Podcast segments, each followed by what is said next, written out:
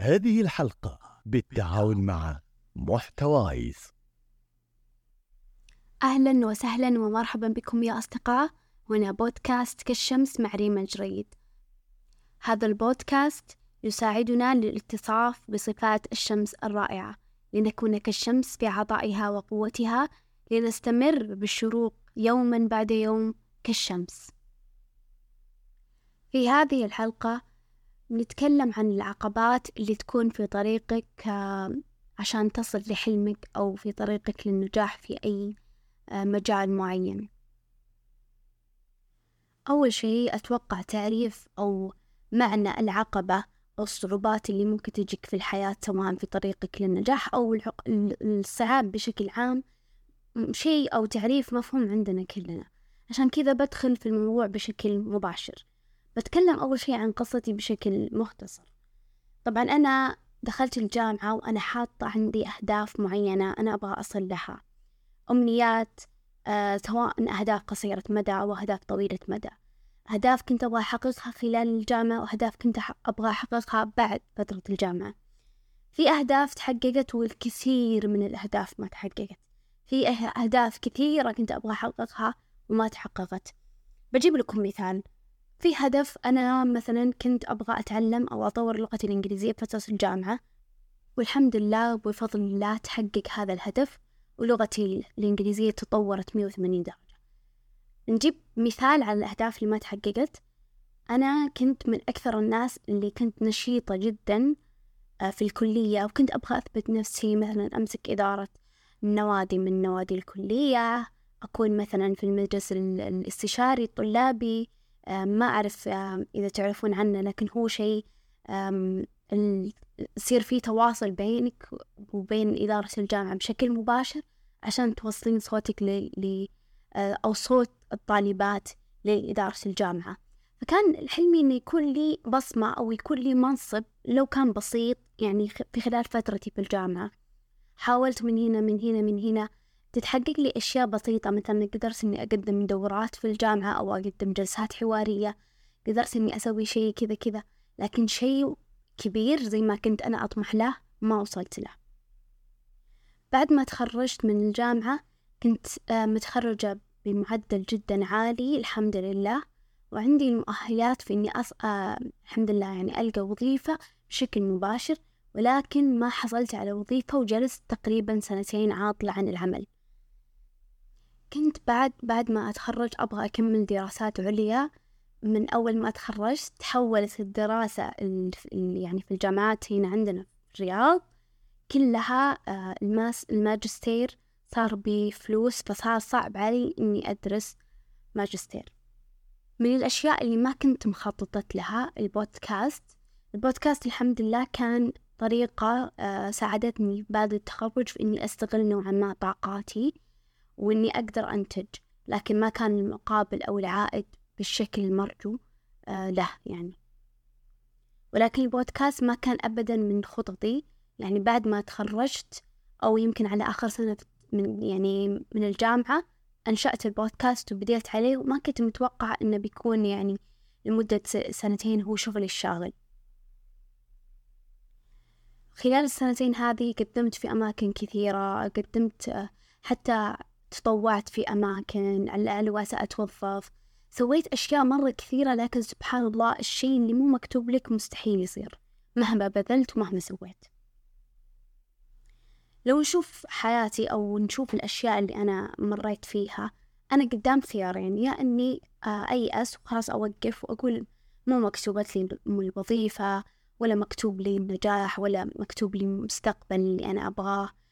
وخلاص أوقف عن السعي وأيأس وأكتئب وأتضايق. وممكن إني آه، أتقبل وأعرف أن ما تأخر شيء إلا مع في حكمة وخير لي وأكمل السعي للطريق لين الله يفتح علي ولين ربي يعوضني بشيء أحسن من اللي كنت أتمناه.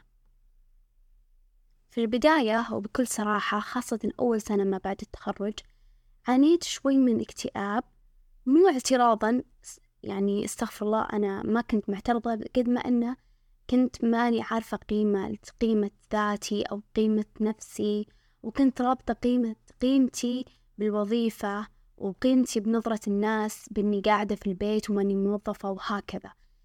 بديت شوي خلال السنتين هذه أتعرف على نفسي أكثر وما أربط نفسي أبدا بقيمة وظيفة أو نظرة ناس أو غيرها من الأشياء. ثاني شيء بديت أعرف أن سبحانه ربي أي شيء يختاره لي هو فيه الخير لي.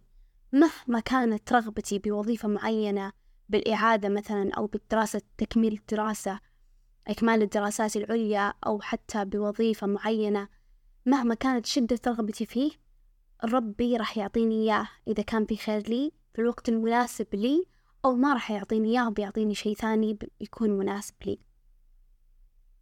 وأنا أحدثكم الآن بعد مرور هذه السنتين الحمد لله.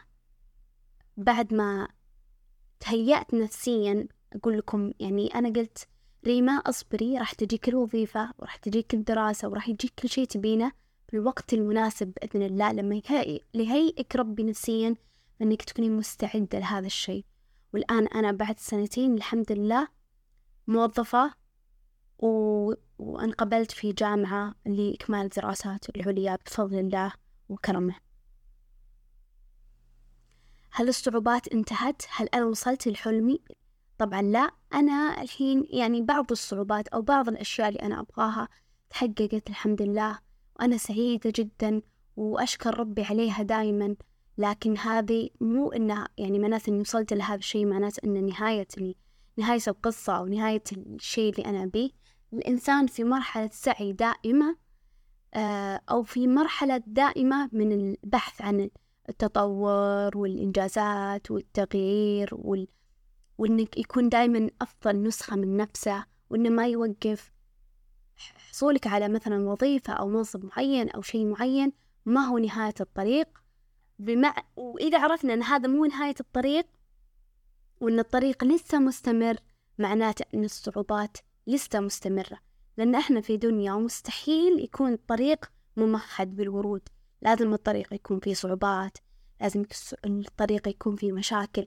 إحنا ما نتمنى المشاكل ولا نصير عايشين بتوتر وقلق عشان وننتظر المشاكل عشان تصير لكن لو صارت إحنا نكون متقبلينها ونحاول نحلها ونحاول نتجاوزها بأقل الخسائر.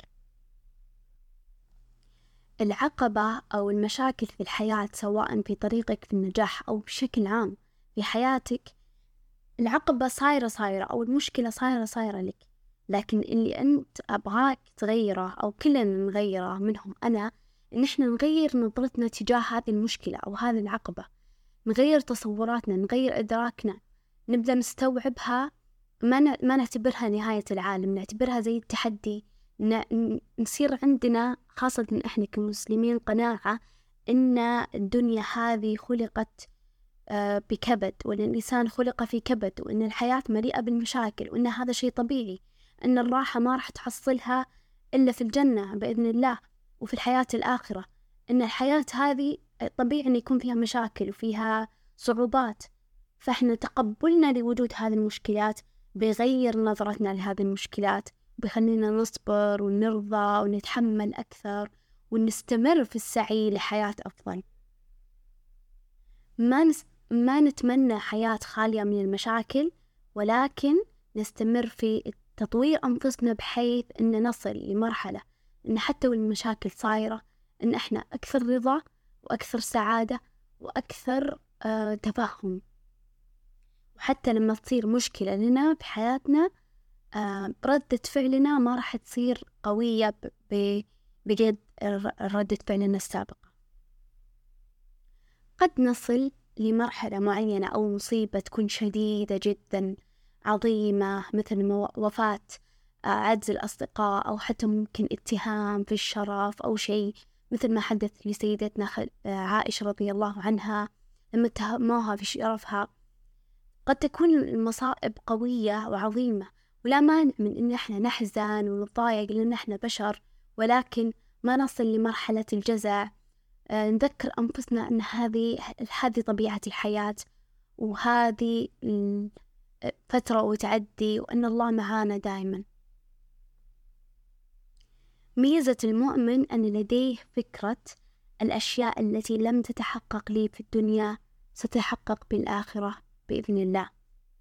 إحنا كمسلمين كل ما فهمنا الآخرة بشكل أفضل وكل ما فهمنا أن هذا طريق واستوعبنا وذكرنا أنفسنا هذا الشيء بهذا الشيء دائما أن الحياة مجرد عبور أن هذا مجرد طريق سفر. ممكن وإحنا في الطريق السفر هذه ستعطل السيارة ممكن يصير حادث ممكن البنزين يخلص ممكن أيا كانت المشاكل اللي بتصير أهم شيء إن إحنا نوصل للوجهة اللي إحنا نبغى نوصل لها.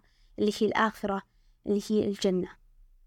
تذكر دائما أن المصيبة أو المشكلة أو أي شيء صعب صار لك في حياتك هي فرصة عشان تعرف ثغراتك النفسية عشان تعرف أن أنت عندك نقطة ضعف في هذا المكان ونقطة ضعف في هذا المكان الآخر عشان تطور نفسك وتحسن من نفسك أكثر وأكثر. سبحان الله أذكر مرة كنت أحضر محاضرة والدكتورة تكلمت قالت إن الله سبحانه وتعالى مرات يعرف إن مثلا وضعك الحالي مثلا سواء أنت تعاني من مرض معين أو مشكلة معينة طالت عليك زادت صعوبتها أو حتى فقر معين أو سعيت لشيء ما تحقق لك فترة طويلة الله سبحانه وتعالى يعرف أن أنت وضعك الحالي أفضل لك. ولو مثلا شفاك من هذا المرض أنك بتبتعد عنه. أنك مثلا بتجزء يعني مثلا بتصل لمرحلة الغرور والتكبر أو غيرها. الله يعني مهما كنت تظن أن وضعك صعب حاليا وسيء تذكر أن ربي يعلم أن هذا خير لك. فمهما اشتدت عليك المصاعب وجيت بتدعي مثلا أن ربي يزيل عنك هذه المصيبة يزيل عنك هذا المرض يبعد عنك هذا الضيق مثلا دائما نقول يا رب غير حالي لحال أفضل واجعل هذا الحال فيه خير لي. لأن ممكن ربي يرزقك بمثلا منصب أو وظيفة أو شيء معين ولكن تجي معاه المصائب وتجي معاه الصعوبات وتفقد أشياء وتصير لك مشاكل أكثر وأكثر. فدائما ادعي بالخيرة وادعي بالتيسير ادعي أن ربي يرزقك ما فيه راحة لك وخير لك. وختاما تذكر أن الصعوبات والعوائق هي جزء لا يتجزأ من الحياة. وتذكر أن أعظم الخلق محمد عليه الصلاة والسلام حدثت له الكثير من المصائب والمشاكل. زوجته رضي الله عنها عائشة أصيبت أو اتهمت حتى في شرفها. الصحابة حياتهم كانت مليئة بالمشاكل والمصائب. المصائب هذه اجعلها تقويك وتقربك من الله وتعلمك دروس لكي تكون حياتك أفضل بإذن الله إلى أن تلقى الله بأحسن شكل. كل الحب. لا تنسون تقييم الحلقة ومشاركتها مع شخص إذا أعجبتكم. ألقاكم بإذن الله في الحلقة القادمة.